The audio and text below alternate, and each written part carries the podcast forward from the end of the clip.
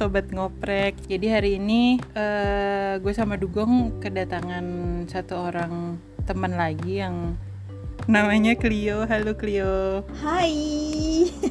Tawa lagi. Jadi kita di episode kali ini mau bahas film yang baru aja kita nonton tapi secara terpisah ya. Mm-mm. Apa ya kayak menjadi angin segar aja sih di perfilman super recommended ya. Indonesia. Ih, dugong, dugong gue kira miknya mati loh di aja. Hmm, tahu nih dulu. gantian dong biar nggak tabrakan ntar collision Oke. Mm. Filmnya tuh judulnya tuh Yuni. Wow. Jadi ini tuh gue pertama kali nonton, gue udah nonton dua kali sih sebenarnya. gue kira judulnya ungu Ya bukan, Yuni suka warna ungu. Pati. Tawa lagi. Eh, buat Ya. apa? Buat teman-teman Hmm. yang belum nonton, mungkin ini nanti ada kita warning dulu ya kalau misalnya nanti ada spoiler. Mm-mm. Betul, Betul. betul. Jadi- Spoiler alert. Mm-mm, spoiler alert, eh, content warning di depan. Yes. Ya. Jadi gimana? Apa pendapat kalian setelah nonton Yuni? Kan gue udah nonton duluan nih dan kalian gue hasut buat nonton. betul Akhirnya nonton lu juga. Dong, lu gimana? Lu katanya nonton dua versi berarti dong ya? Versi festival Oh sama iya, iya. Jadi versi si film komersil. film Yuni ini eh, filmnya Mbak Kamila Andini. Waktu itu gue nonton tuh Hmm. di Jogja Asian Film Festival ya waktu itu. Filmnya tuh kenapa beda di bioskop sama di festival itu? Mm-mm. Mm-mm. Ini karena yang di festival itu kan dia audiensnya tuh internasional ya. Mm-mm. Jadi dia kayak fokusnya tuh ke ke cerita si Yuninya. Jadi si sutradaranya ini bilang kalau Mm-mm. eh, film yang versi festival itu di kayak dipadetin gitu kali ya maksudnya. Mm-mm. Hah? Di, ada padepin gimana Di maksudnya? di dipadatkan. Ah, dipadetin. Oh, makanya durasinya juga beda kali ya. Ah, ah. Kalau yang di festival itu dia cuma Ah. 90 menit. Jadi ada kayak part-part yang eh, mungkin cuman orang Indonesia aja kali ya yang yang ngerti gitu. Mm-mm. Kayak ada gimmick-gimmick yang cuman orang Indonesia ngerti. Ya gitu, jadi dipadatkan Mm-mm. cuman 90 menit ininya durasinya. Terus kalau yang di bioskop itu yang kalian juga udah nonton itu 120 menit. Mm-mm. Sebenarnya substansinya sih sama aja ya. Cuman ya gitu. bukannya yang kita tonton itu 90 menit ya yang di film festival malah yang Enggak. 60 menit Enggak, lebih lama yang di bioskop tuh 120 menit cuy. Oh, dua jam ini bioskop. Oh, ya? Wah, lu Oh. nontonnya di bioskop mana? 90 menit doang. Itu gua jangan-jangan jangan-jangan gua gue Yuni diskonan juga gua di Yuninya bioskopnya bahasa Arab kali jangan-jangan beda. Wah, lu kayak di tempat DVD bajakan aja lu nonton Harry Potter 1 sampai 8. Padahal filmnya cuma 7. Belinya di Blok M. Itu lu kan pengalaman lu. eh gimana? Overall menurut lu gimana? Kalau menurut gue Yuni yang gue tonton versi bioskop dong ya, karena gue nggak tahu versi festival ya. Kalau menurut gue scale 1 sampai 10 gue 8. Coba menurut lu gimana Gong sama Toge? Ih ikut-ikutan ya gue juga 8 sih Ih, ikut-ikutan lu, Gong. Loh. Ya kita ikutan bertiga. lu bukannya Oh. sembilan ya Toge Iya, gue 9 sih. Karena apa ya? Karena gue tuh Hmm. Eh, udah enggak, lu sembilannya versi bioskop atau dua-duanya nih? ah, dua-duanya ini se- secara keseluruhan Oh, oke, filmnya kan oke. sama aja tuh. Aha. Pesan yang disampaikan Aha, sama aja. Iya, iya. Kan gue nggak ngerti Film progresif ya, ya. Mm, nggak ngerti teknis ya segala macam apalah sinematografi apa Mm-mm. kan gue nggak begitu ngerti Mm-mm. cuman secara story wise sama karakter wise sama pesan yang disampaikan tuh 9 sih karena udah lama banget kayaknya gue nggak nonton film film Indonesia terutama tuh yang Mm-mm. meninggalkan kesan gitu loh setelah gue nontonnya tuh Hmm. nah ah, Iya, iya, iya. ini kan filmnya tuh tentang apa ya tentang fenomena yang lazim sih kalau di Indonesia tentang Iya, iya. perempuan ya mengangkat isu-isu perempuan terutama di kehidupan sehari-hari juga ya Mhm, terutama di daerah itu kan settingnya kan di mana tuh kemarin gung lu di ngomong Serang Ah, ah, di Serang Di Serang apa Cilegon? Iya. Serang Serang ya? ya pokoknya Serang di Banten. Banten Serang Eh gitu pokoknya di Banten lah, yang pasti bukan di Padang. yang Jauh di mana banget, bahasanya di Padang. kan makanya bahasanya eh, Jawa Sunda campuran iya, iya. namanya tuh ini Gua tau ngerti sih kenapa Toge nggak ngerti sih karena emang lebih banyakan Sundanya sih. Mm-mm. Gue nonton juga banyakan Sundanya. Jadi ini filmnya tentang apa sih Yuni? tentang Gimana menurut tentang lo, menurut itu? Dugong? tentang perempuan kan? Tentang Iya kebebasan. juga. tentang remaja. Iya juga lagi. Tentang remaja yang masih bertumbuh ya kalau menurut gue sih. Dan masih menyesuaikan diri dia dengan lingkungannya. Sebenarnya bukan menyesuaikan sih dia udah punya jati diri tapi karena lingkungannya itu beda dengan apa yang diri dia di seorang Yuni yang berani yang independen tapi ternyata lingkungannya berkata lain Hmm. kayak gitu dan Iya di di ditunjukkan juga dengan support support pemain yang lain juga sih Mm-mm. khususnya sebagai seorang perempuan gitu kan di Indonesia di daerah Mm-mm. itu masih ada isu-isu pernikahan Dan- betul. dini Betul, betul. terus Pernikahan. Ya nyanyi kan lo tahu gue Is- banyak sih ya isu KDRT juga Iya. sebenarnya sempat Iya, di- iya, iya. disebutin secara singkat indirect gitu kan secara Coba dong. Dugong lu bikin Hmm. eh, misalnya ada orang nanya nih ke kalian berdua ya. Yuni itu tentang apa sih? Coba kalian jelasin dengan 10 kata. 10 kata Coba lu pikirin, gue hitung sampai 50 detik nih. anjir nih Satu. kuis apa gimana nih coba timdang dulu timdang 10 kata. Yuni adalah film bla bla bla bla misalnya. oke ini adalah film Oke, lu Toge udah tahu kan apa? Karena lu Eh. fans berat banget nih. Gua ngeliat di Twitter lu, di IG lu spam isinya ungu semua. Ih, kan gue suka ini kan gue ungu clickers Oh iya bener. Enggak apa? Apa? Jadi Jadi Yuni- Yuni itu film tentang eh, perempuan dan lika-likunya. Jadi di film Yuni itu ada banyak banget eh, menyorot Mhm. isu-isu yang selama ini tuh deket gitu loh di sekitar kita. Jadi ada perkawinan Mhm, mhm. anak, ada kekerasan dalam rumah tangga, Ada ada, poligami, poligami, betul-betul. ada banyak deh bahkan eh, isu yang apa ya?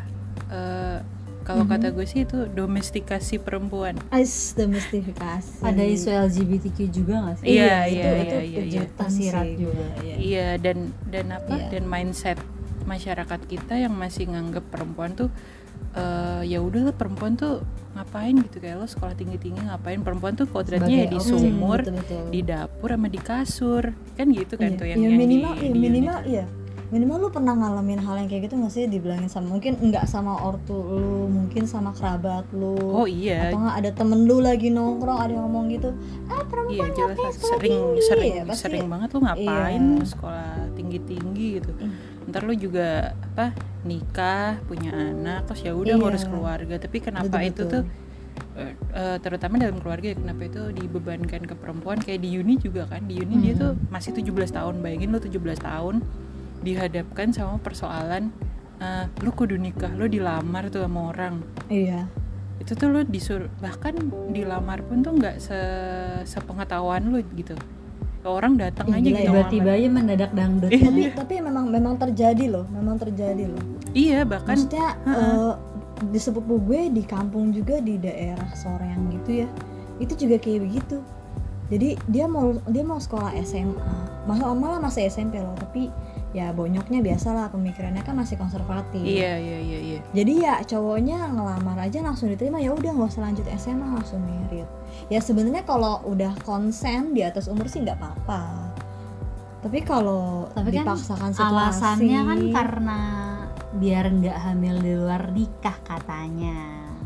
Karena ternyata ada pembahasan isu juga kan di film Yuni kalau ada eh, teman sekolahnya si Yuni yang hamil di luar nikah si Hmm. Sarah bukan sih itu Sarah bukan sih? enggak enggak bukan, yang si si, Ade, siapa bukan. si Ade adik ya? Iya, yang iya, meninggal bener-bener. terakhirnya Oh yang adik ya ya ya Hmm. ketabrak katanya Jadi- spoiler.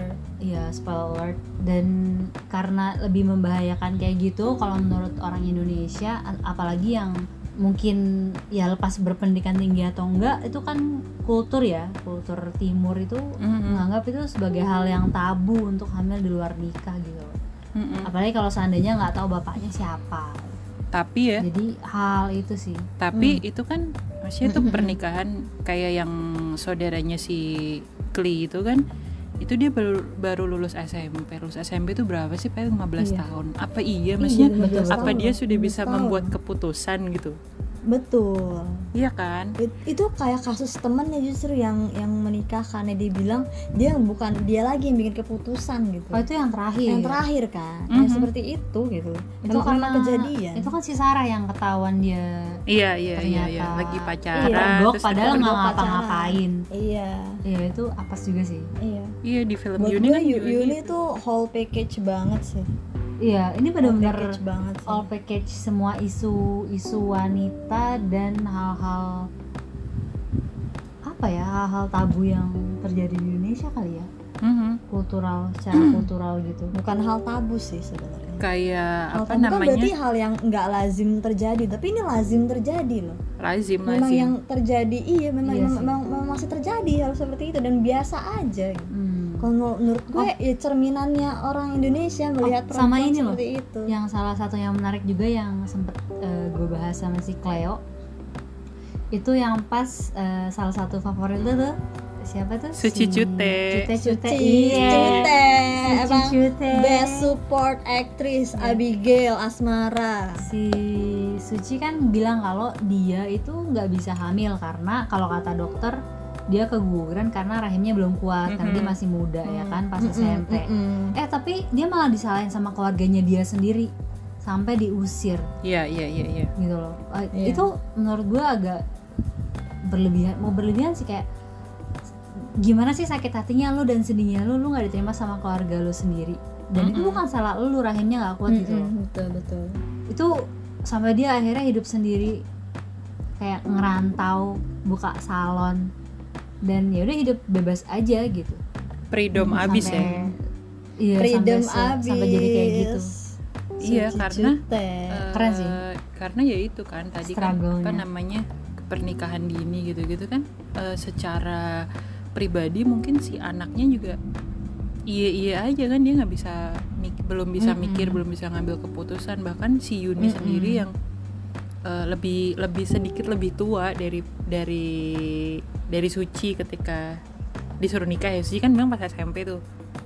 Hmm, betul, kalau si Yuni kan dia udah udah kelas 3 SMA bahkan si Iya. Yuni aja tuh bingung gitu. Kan di setiap dia cerita sama orang tuanya ditanyain terus kamu maunya tuh mau jadi apa? Dia kan bilang lah gue aja Iya. tuh gue tuh nggak tahu gue jadi apa dia tuh belum bisa Mm-mm. belum bisa mikir dia jadi apa dia nggak bisa ngambil Mm-mm. keputusan sepenting itu buat hidupnya jangka panjang gitu betul betul itu normal gak sih buat anak-anak SMA, Anak yang SMA, belum ya. tahu mau ngapain lah kayak, iya eh, orang pengen gue jadi yang sesuatu sih tapi gue belum tahu mau ngapain kayak gitu Iya orang gue yang seumur gini aja nggak tahu mau ngapain.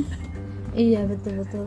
17 tahun lu dihadapin dengan hal sebanyak itu seperti di filmnya ya.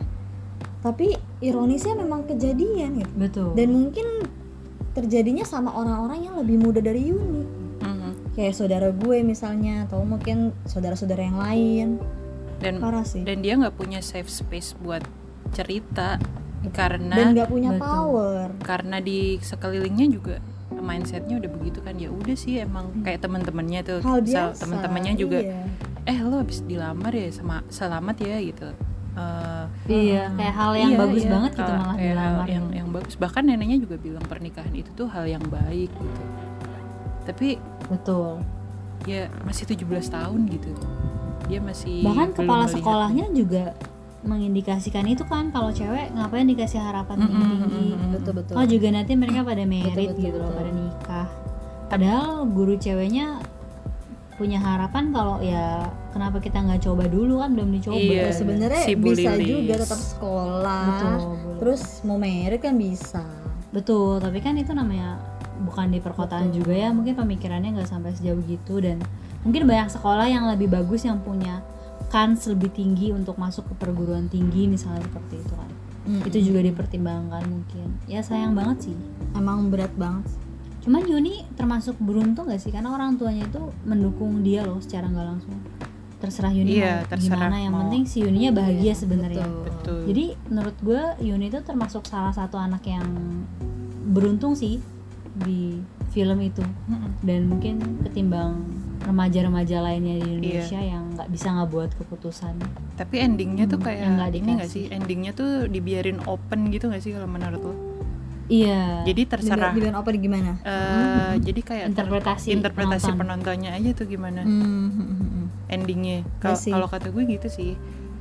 Itu kan eh, ini spoiler lagi ya. Ending di apa di yang versi festival sama versi bioskop tuh beda gitu. Hmm, hmm, hmm, hmm. nah itu Betul, emang emang emang kayaknya emang dibikin open gitu sih. Terserah terserah interpretasi penontonnya gimana tapi walaupun beda sama-sama open kan sebenarnya sama-sama open Cuma ditambahin yang ending nyanyi lagu Anggun gitu. Iya, Yang betul. versi bioskop. ah iya yang di iya, ya uh-uh, betul-betul. Terus yang bikin yang bikin menarik lagi tuh ini apa settingnya sih. Gue baru pertama kali ini nonton film yang dialeknya tuh full bahasa Jawa. Kalau disebutnya tuh jaseng sih, Ah, Jawa Serang iya. gitu sih. Iya, iya. Kalau Mhm. kalau nonton film yang dialeknya Jawa sih sering sering banget. Sunda mungkin ada beberapa, tapi ini tuh Pokoknya pakai bahasa daerahnya mereka. mm-mm. tapi bukannya Marlina juga bahasa sendiri ya maksudnya bahasa daerah itu sendiri Iya, tapi bahasa Iya sih. sana cuman tuh nggak nggak apa ya? Ya masih bahasa Indonesia nggak sih kalau bahasa Timur tuh masih, bahasa Indonesia se- cuman masih semi, cuman semi bahasa kayak Indonesia. Hmm, kayak bukan aksen full aksen gitu ya. gitu sih. nggak full dialek kali ya nggak full Mm-mm. dialek daerah tertentu gitu ya Kalau itu tuh Iya dialek bahkan eh, itu ada dialek coachnya juga. Oh, oh lu pasti baca ya sempat behind the scene-nya. Eh, waktu itu waktu pas Q&A sih, Uh-huh. pas Q&A di di Jav itu tuh kan ada si sutradaranya dia bilang tuh Mm-mm. Eh, kan ada yang nanya tuh tantangannya tuh apa di film ini terus si siapa aktrisnya tuh si Arawinda tuh dia bilang Ara, ya iya. itu apa dialeknya si Jawa Jawa Serang itu dia belajar di situ ada dialek coachnya terus dia sempat kayak live in gitu di Serang tuh sama beberapa minggu gitu deh buat apa buat tahu kesehariannya buat cara orang ngomong tuh gimana bahkan dia kayak bikin kamu sendiri gitu Wah. loh Biar natural lah actingnya. Mm-mm. all out banget ya All Iya. out banget. film ini Iya. dan nyatanya ya ya keren sih. Maksudnya gue nggak ngerti ya aslinya seperti apa tapi Hmm, di hmm, hmm. film itu kan mereka kayak udah kayak native aja gitu kalau lu lihat ngobrolnya. Betul betul. Eh tapi kalau gue malah di film awal-awal gue masih ngeras masih ngerasa bahasanya Ara itu masih kaku. Tapi sering berjalannya waktu gue nggak tahu ya apakah disengaja sama sutradaranya dieksekusi filmnya seperti itu atau emang gak disengaja karena gue saking eh, imersifnya sama itu film gue makin lama terbiasa Ara ini berarti eh, aktor yang Yuni ya? aktornya Yuni yes Mm-mm. aktornya Yuni. Terus gue kayak masih agak awkward ya masih lebih Tapi bagus Asmara Abigail sama lebih bagus si Rido Roma. Rido Ah, Roma ada Rido? Roma nggak lu? Itu yang jadi teman sekolahnya Rido Roma. Yoga. Si yoga. Iya. Anjir Rido Roma. Iya Rido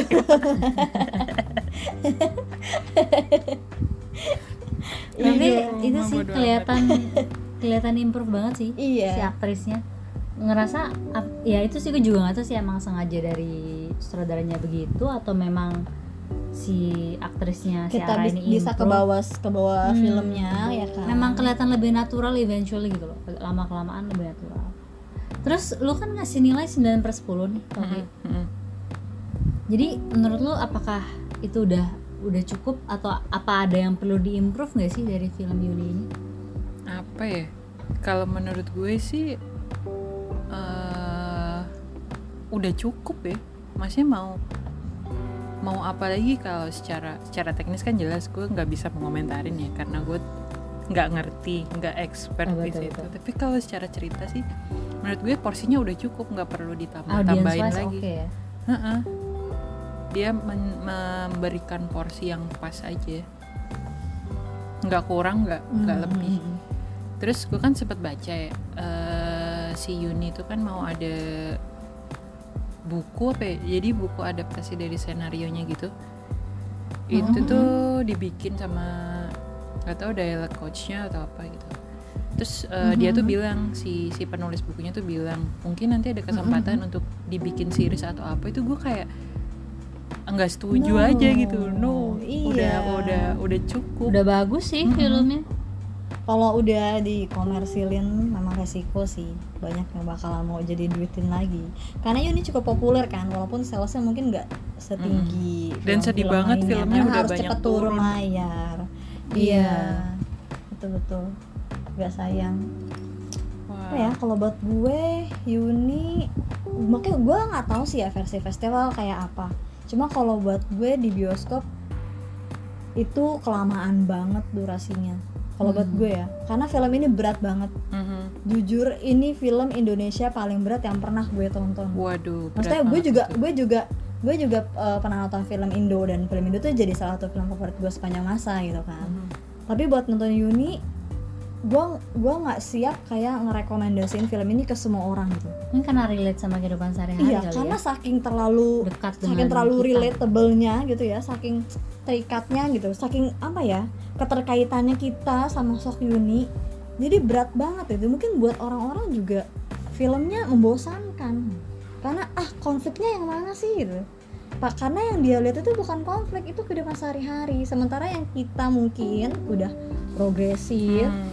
Ya kan? Ih, progresif anjir banget nih nggak tuh? konflik banget ya kan? anjir nih berat banget. banget loh. TBL TBL tapi mungkin itu Kalau buat tapi- penonton lain juga ini ya Hmm. eh, biar itu kan kalau di sehari-hari kita kan kayak udah menormalisasi.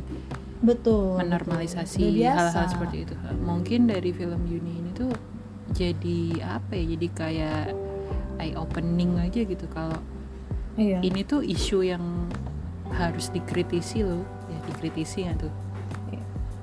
Rasanya tuh kalau nonton Yuni kayak lu lari 10 km lu nggak dikasih nafas. Kalau yang gua rasain ya pas nonton versi bioskop ya yang 100 yang 120 menit. Makanya gue sempat gue malah sekarang penasaran sama versi festivalnya. Karena kayaknya gue ngerasa kayak versi festival versi festival udah cukup baik banget Mm-mm. ketimbang dia extend lagi buat tapi mungkin ya bener kata lo kan ada beberapa scene yang gak dijelasin di festival buat orang-orang publik umum Mm-mm. nggak gitu ngerti Iya. ada mungkin ada scene yang si siapa tuh mbak yang nggak jadi ke Hong Kong itu apa Ah, eh, itu yang anaknya mbak Asi Asi. Teh Asi Teh Bu Asi Kokom, ya anaknya ya. Bu Kokom iya mungkin itu kan nggak dijelasin di festival karena di festival katanya si Toge ada orang yang internasional juga yang nonton ya Mm-mm. nggak It- cuman itu kan dia Indo. jadi di mungkin takutnya ngebingungin Toronto, banget kali iya. Mm-mm. bingung lah oh di Toronto Film Festival ya Mm-mm.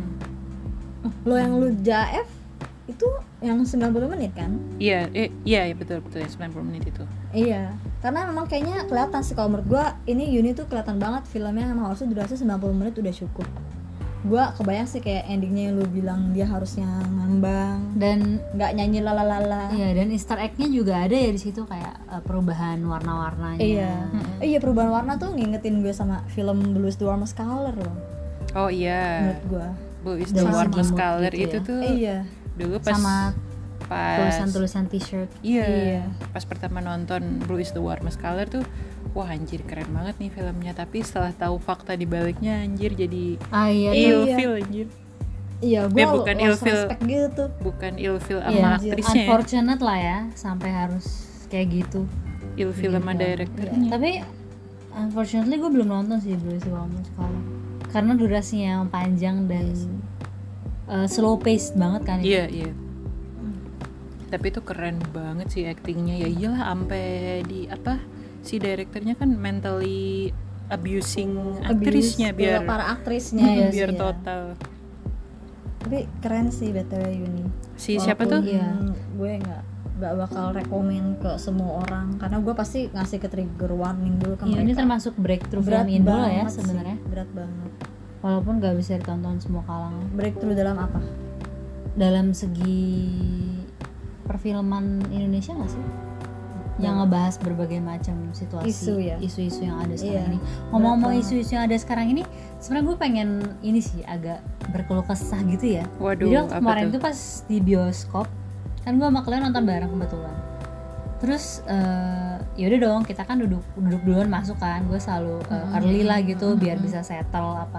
Nah terus gue expectnya ya mungkin nggak bakal full banget.